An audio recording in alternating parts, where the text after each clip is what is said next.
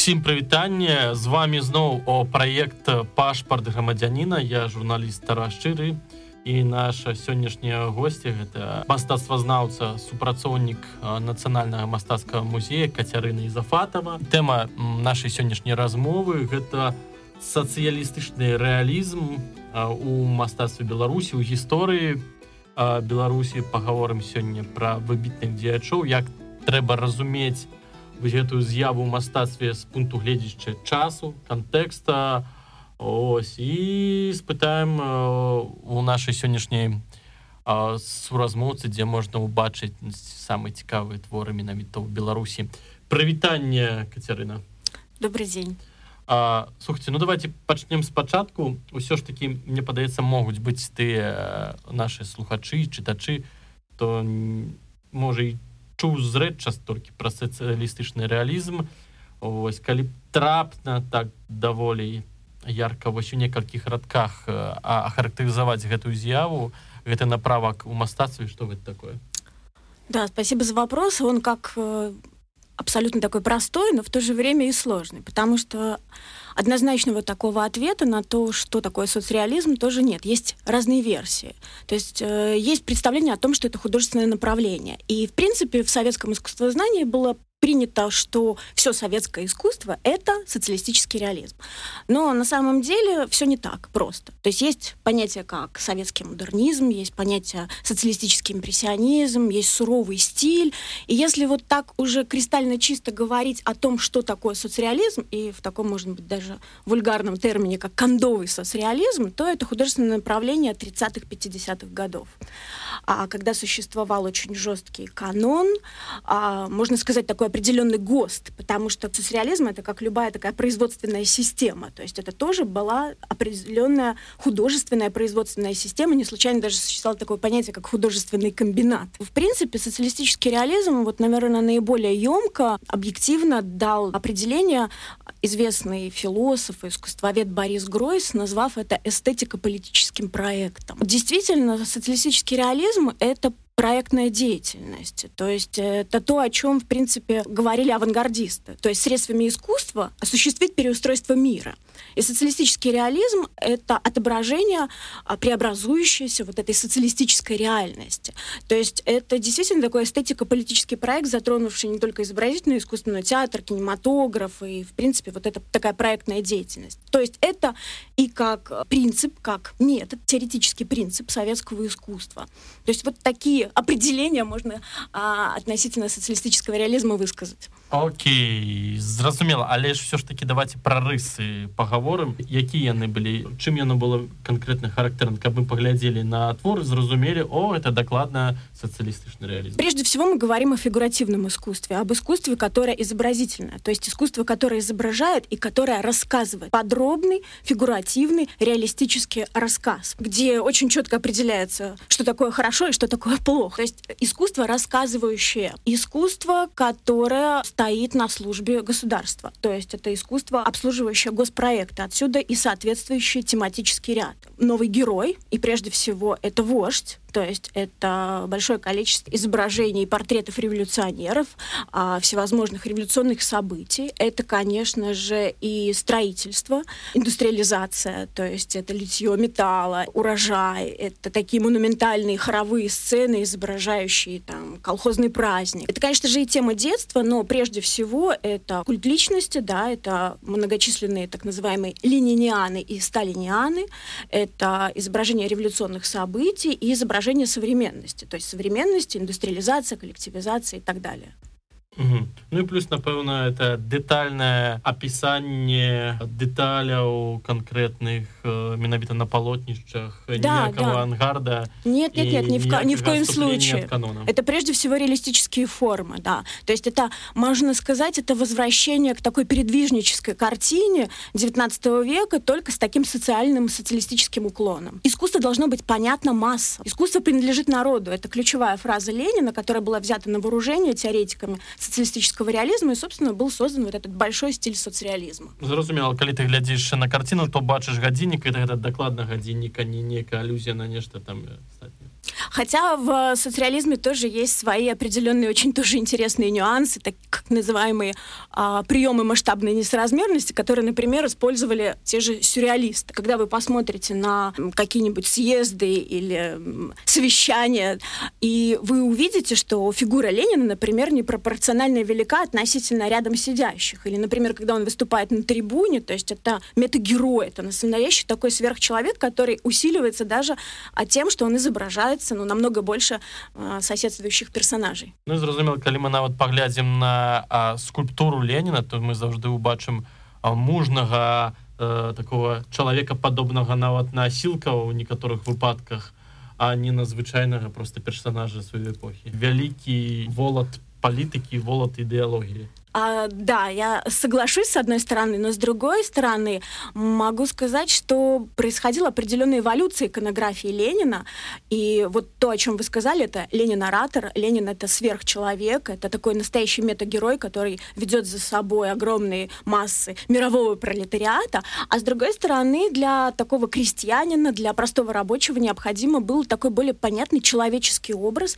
И начинает разрабатываться этот образ в 60-е годы. Ленин с бытовой бытовой точки зрения. В Шушинском Ленина пишущий.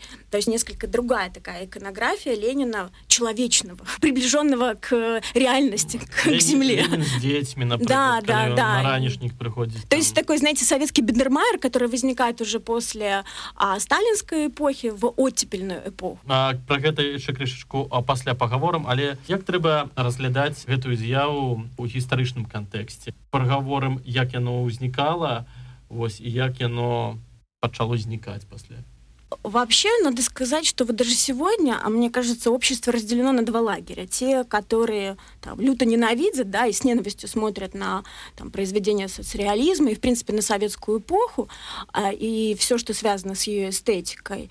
Э, и те, кто, ну, наоборот, испытывают какие-то ностальгические, можно сказать, чувства по советской ушедшей эпохе, может быть, люди более старшего поколения. Поэтому, мне кажется, эта проблема, а, она сложная. А, есть представление о том, что это нужно перечеркнуть, забыть, э, хотя все-таки даже те люди, которые родились уже в постсоветскую эпоху, тем не менее мы физически даже передвигаемся в этом пространстве. Мы физически присутствуем в этих зданиях сталинской эпохи.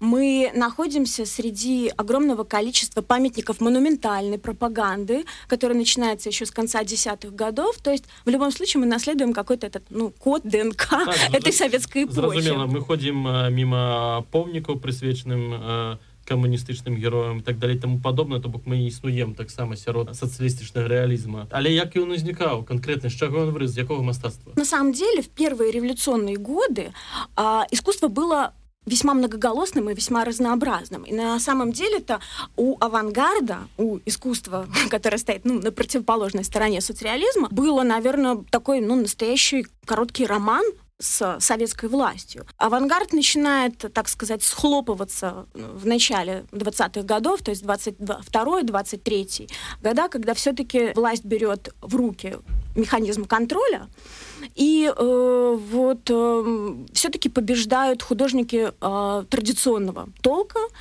которые говорят о том, что для простого человека, для пролетария, крестьянина важно такое понятие, как картина. То есть картина, которая рассказывает. Вот опять-таки приведу э, ключевой, наверное, такой текст Ленина, который тоже был взят на вооружение. Э, Толстой как зеркало русской революции где он говорит о том, что этот гений создает живые картины. То есть писатель создает картины, а художник должен, ну, по существу создать а, какое-то такое описание этих картин, вот эти живые, яркие и понятные образы. И поэтому, собственно, авангард, резко взметнувший, был остановлен на своем пути э, очень резко и очень жестко, потому что 1932 год — это год, когда, собственно, объявляется единым методом а, художественного развития социалистический реализм. А, он а, был объявлен Горьким на съезде писателей. Закрываются все авангардные художественные объединения, закрываются иконописные мастерские и искусство оказывается возможным развиваться только в этом направлении. Это очень было, действительно, это было жестко, потому что если ты не создаешь соответствующую работу, ты просто не имеешь мастерской, ты не имеешь возможности там приобретать краски и так далее. То есть физически, материально у тебя нет возможности творить. Либо ты должен был идти на какой-то определенный, ну, что называется, компромисс. Компромисс на самом деле существовал и в 60-е, и в 70-е годы. Вот э, если взять, например, творчество Израиля Басова, такого яркого представителя белорусского нонконформизма, то он тоже работал на комбинате. И после окончания Минского художественного училища на комбинате писал заказные портреты Сталина, которые, собственно, я даже видела. Вот недавно недавно абсолютно приносили в музей на атрибуцию портрет Сталина, который подписан Израилем Басовым. То есть можно было идти на определенный компромисс, чтобы просто ну, выживать в этой ситуации. Соблюдать определенные ритуалы и вместе с тем заниматься своим таким самодостаточным свободным творчеством. При этом его никуда не выставляют. Да, да, естественно. Это писательство в стол. Писательство в своей закрытой мастерской у себя в шкафу. Зразумела як э, беларускае мастацтва прымала э, сацыялістычны реализм так же как и все соцстраны естественно разговор о белорусском искусстве например первой половины и тех первых таких э, программных вещей созданных в рамках социалистического реализма он разговор сложный потому что э, белорусское искусство первой половины 20 века это терра инкогнито да? многие программные вещи в период великой отечественной войны погибли многие художники нам известны только своими именами очень много вещей было просто выведено вывезено.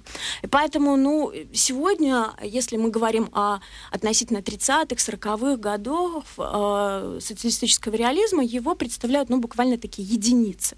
Основной пласт вещей все-таки уже был создан в послевоенное время, относится к первой пятилетке, вот такого классического соцреализма к первой пятилетке 50-х годов. Но, конечно же, необходимо мне сказать о работе Стахановка, Людмила Здановская, которая представлена в нашей постоянной экспозиции, и женщина-художник, и женщина, которая изображает э, Стахановку, э, то есть и субъект, и объект. И это тоже такой момент э, советского искусства, в том, что женщина тоже становится полноправным членом художественного сообщества. Здесь такой нюанс есть. Но это классический образ такой Венеры Советской. Стахановки, выступающей на каком-то съезде, там, докладывающей. Иконографически, как это изображено, это мощно, это крепко, это сильная, смелая женщина, такая бескомпромиссная, уверенная, смотрящая вперед, Почему соцреализм даже иногда называли стиль бодрости? Потому что запрещено было показывать какие-то нелицеприятные стороны действительности.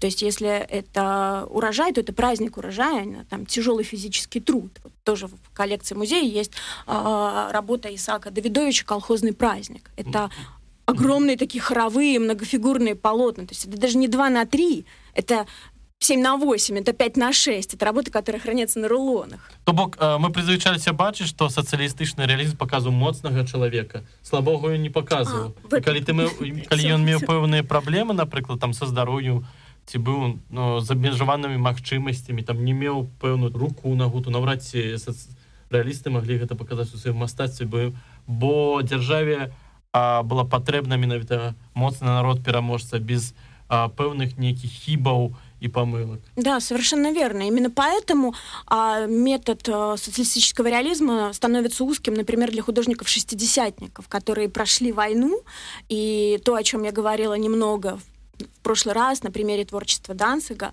То есть а, показ не праздника и победы, а показ цены той победы. То есть показ совершенно другой изнанки тех трагических событий. Вы назвали твор Стахановка. А, чым яшчэ вылучаўся вось сацыялістычны рэалізм у бСср напэўна першую 20годку пасля войны Э, ну, я не могу сказать, чем он отличался от э, социалистического реализма, который создавался массово в других городах, в других э, странах, но э, потому что это все-таки был канон. Это был определенный ГОСТ. То есть с полотен белорусских художников, так же, как и с полотен русских или украинских художников, стали смотреть вот невероятные эти типажи освобожденных женщин, стахановки, делегатки, летчицы и так далее. И те же самые темы. Праздник урожая — это колхозный праздник, праздник или какие-то революционные события. Единственное, что работ 30-х годов сохранилось, ну, на самом деле, не так много. То есть это единицы. И поэтому уникально в этом плане, в таком своем э, классическом иконографическом ключе Стахановка, потому что это работа, в которой есть и бюст Ленина, и обилие красного цвета. Художники тоже говорили, что цвет не должен быть беспартийным. Искусство было политизировано, и художник находился в этом а, политизированном контексте. По-другому было невозможно. У сацыялістычным рэалізме Савецкага Саюза вось была такая даволі вядомая значная асоба мастака як Александр Дэйнека напэўна яго і лічыць адным самых галоўных менавіта творцаў у гэтым напрамку мастацтва. Але хто быў вось для Беларусі нашим лакальным Александром Дэйнека каго можна лічыць самым таким модным трендовым мастаком соцреалистом того часу. Все-таки александр дайнека э, не совсем такой наверное вот такой типичный пример ну то о чем я говорила там кондового соцреализма как например тот же александр герасимов.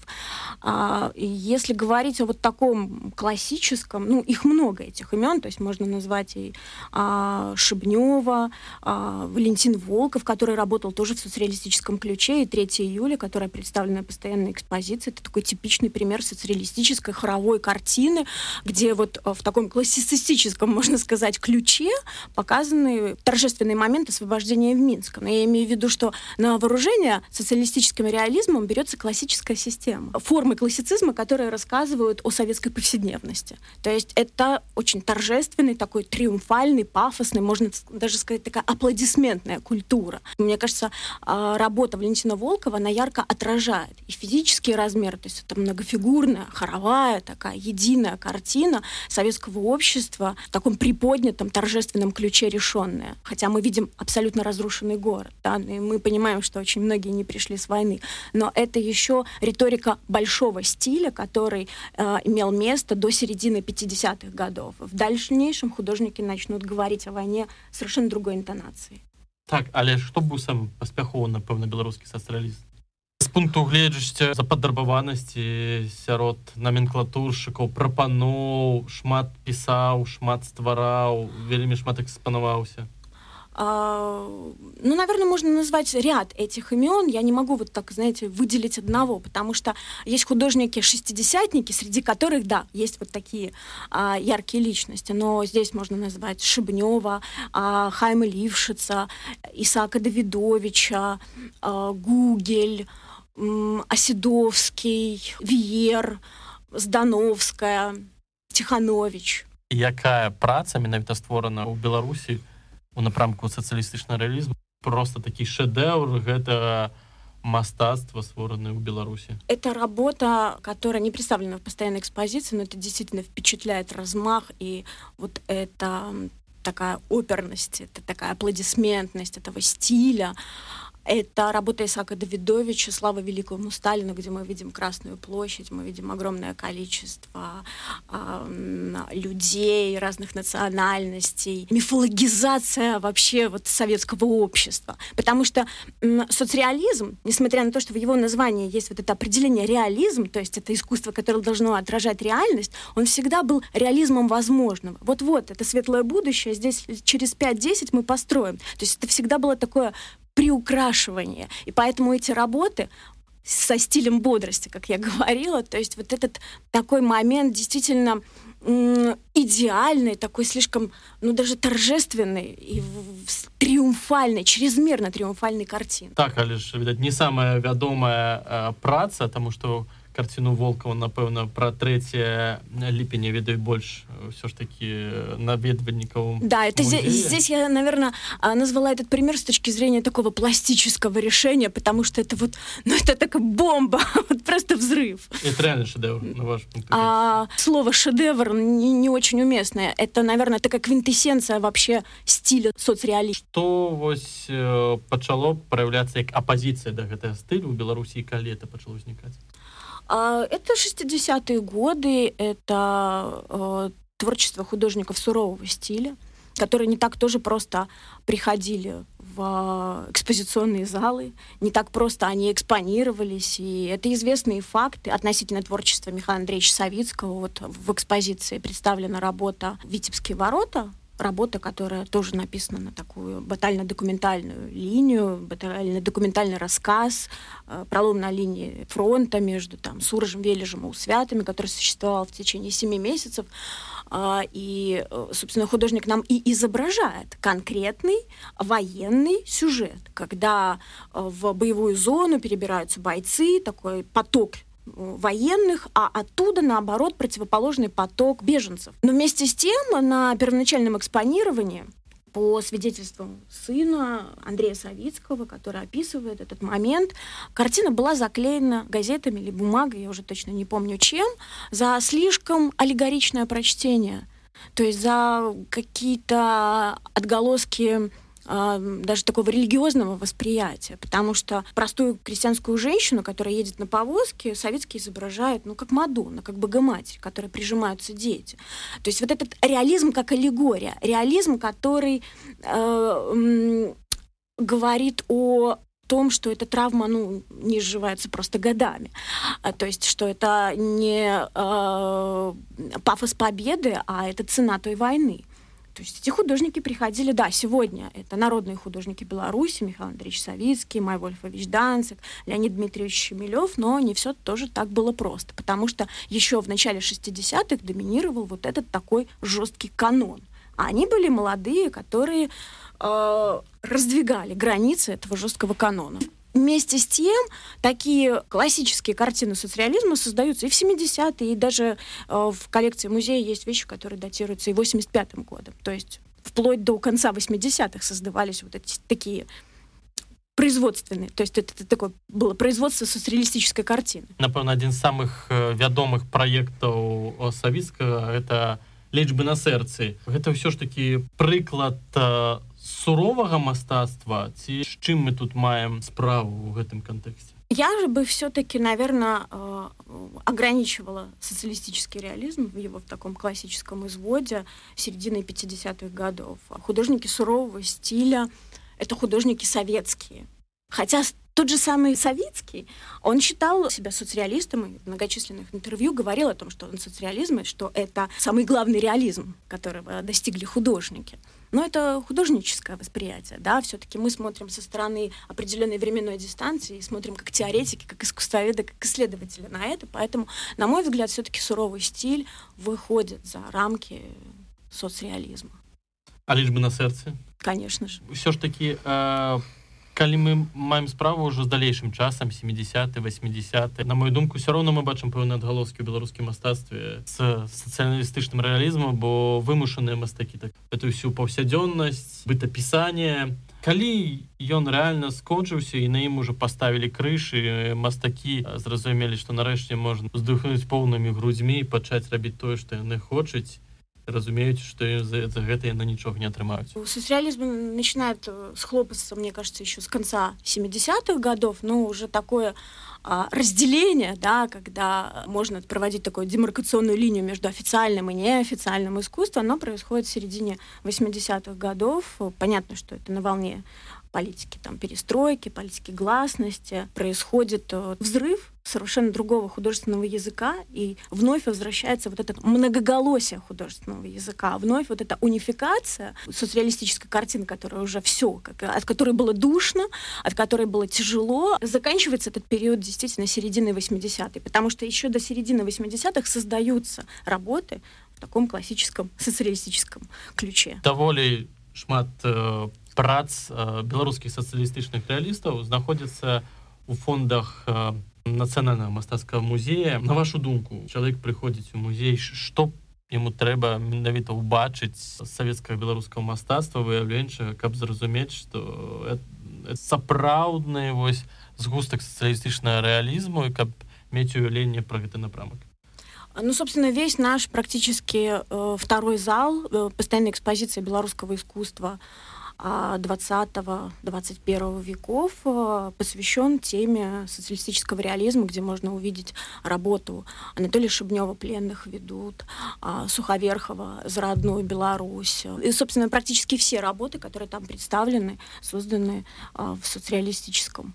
направлении и являются классикой этого стиля в белорусском искусстве. И, э, конечно, вот то, о чем я и говорила, это в первом зале, где мы видим замечательную Стахановку, Людмила Здановская, э, летчика Тарасикова. То есть вот эти новые типажи, новые герои, которые появляются, а еще, может быть, несколько в таком более камерном ключе, 50-е годы это вот даже такие физические, многофигурные вещи, рассчитанные исключительно на музейный показ Ці знаходзяцца вось э, творы беларускіх сацрэалістаў мастакоў у буйных калекцыях на захадзе ці каціруюцца сярод э, экспертаў і аматараў мастацтва замежнага ну, мода на соцреализм, она началась. Есть частные коллекционеры, которые собирают вот так узко, и прежде всего э, это можно говорить о западноевропейских коллекционерах, для которых это является определенной такой экзотикой, что ли. Ну, э, мы говорим, конечно же, о частных коллекциях, собственно, я их даже и не знаю, но а, потому что белорусский арт-рынок, он такой теневой, и э, очень многие работы э, уходят из мастерских художников. Но говоря о нахождении этих работ, то все работы в советское время, они выставлялись на так называемых датовских выставках, там, приуроченных, там, я не знаю, там, к 70-летию Октябрьской революции или там, к юбилею Ленина и так далее.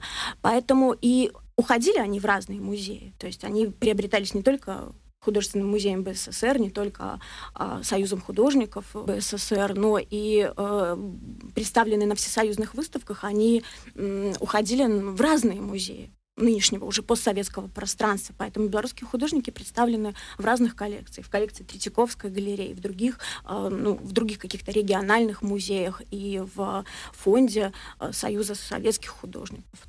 Поэтому это такая достаточно ну, широкая география. Советский Союз развалился уже давно, але як часто отбывается то, что, например, приходит и приносит на экспертизу картину мастака, якая просто была невядома, супольнасці пра яе не ведалі вось яна перед вачыма все ж таки апынулася Ну, достаточно часто мы сталкиваемся с э, новыми, неизвестными вещами. Не могу сказать, что это какие-то программные, там, такие знаковые, очень известные вещи. То есть в основном это все-таки вещи этюдного характера, может быть, даже эскизного характера, потому что все такие программные вещи, они проходили через выставком и, как правило, все-таки приобретались в крупные художественные институции.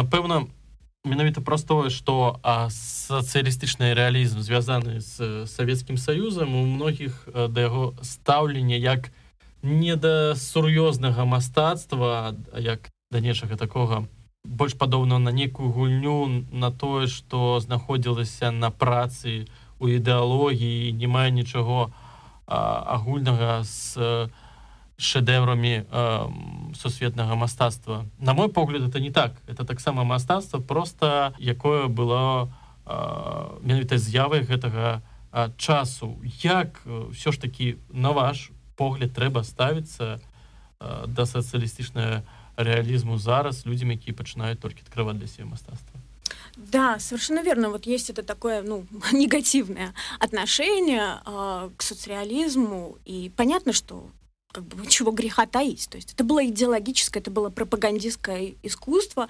и вот этот э, флер там тоталитаризма, да, то есть феномена 20 века, а, поэтому отсюда такое отрицательное отношение. Но вместе с тем нужно понимать, что это была современность тех людей, которые жили в 30-е и в 40-е годы, и что общество было достаточно политизировано. И чтобы понимать ту атмосферу, которая существовала в этот период, нужно видеть эти памятники художественные, которые создавались в этот период. Поэтому а, это история искусства. Но ну, вот таким образом она развивалась. Ее нельзя вычеркивать, ее нельзя отрицать, ее нельзя забывать. И при том, что в рамках социалистического реализма действительно создавались шедевры. И а, полотно 3 июля при всем своем таком классицистическом пафосе это полотно, которое рассказывает о э, исторических, э, о важных исторических, э, важном историческом событии, и которое показывает нам минчан, реальных персонажей, которые мы продолжаем изучать буквально вот последние годы. То есть иногда кажется, что об этой картине известно все. Кто, где, в каком углу изображен, потому что Волков действительно изображал не просто каких-то вымышленных персонажей. Он изображал своих друзей, своих знакомых. Он специально ездил там в Минский гарнизон Ручи, чтобы писать солдат, которые изображены на этом полотне. Он писал там своих родственников. Но вот буквально пару лет назад нам позвонил мальчик, который сидит э, на плечах мужчины, изображен в правой нижней части углу полотна. То есть этому мальчику сегодня там, он взрослый мужчина, он преподаватель э, кафедры физкультуры, э, БНТУ. То есть это картина, которая продолжает нам рассказывать историю людей. И это безумно интересно, и искусство того времени. Дякую вялікі Катерина за размову. Нагадаем, что сегодня мы размаўлялі про один з бакоў сагавецкага мастацтва яно все ж таки было таксама разнастайнае Вось але сёння мы пагравалі пра сацыялістычны рэалізм менавіта ў выяўляючым мастацтве у жывапісю заставайцеся разам з намі мы працягнем вам расказваць пра цікавыя старонкі ў беларускім мастацтве гісторыі з вами быў журналіст старашчыры мастацтвазнаўца Кацярына Ізафатова да новых сустрэч да пабачэння свидания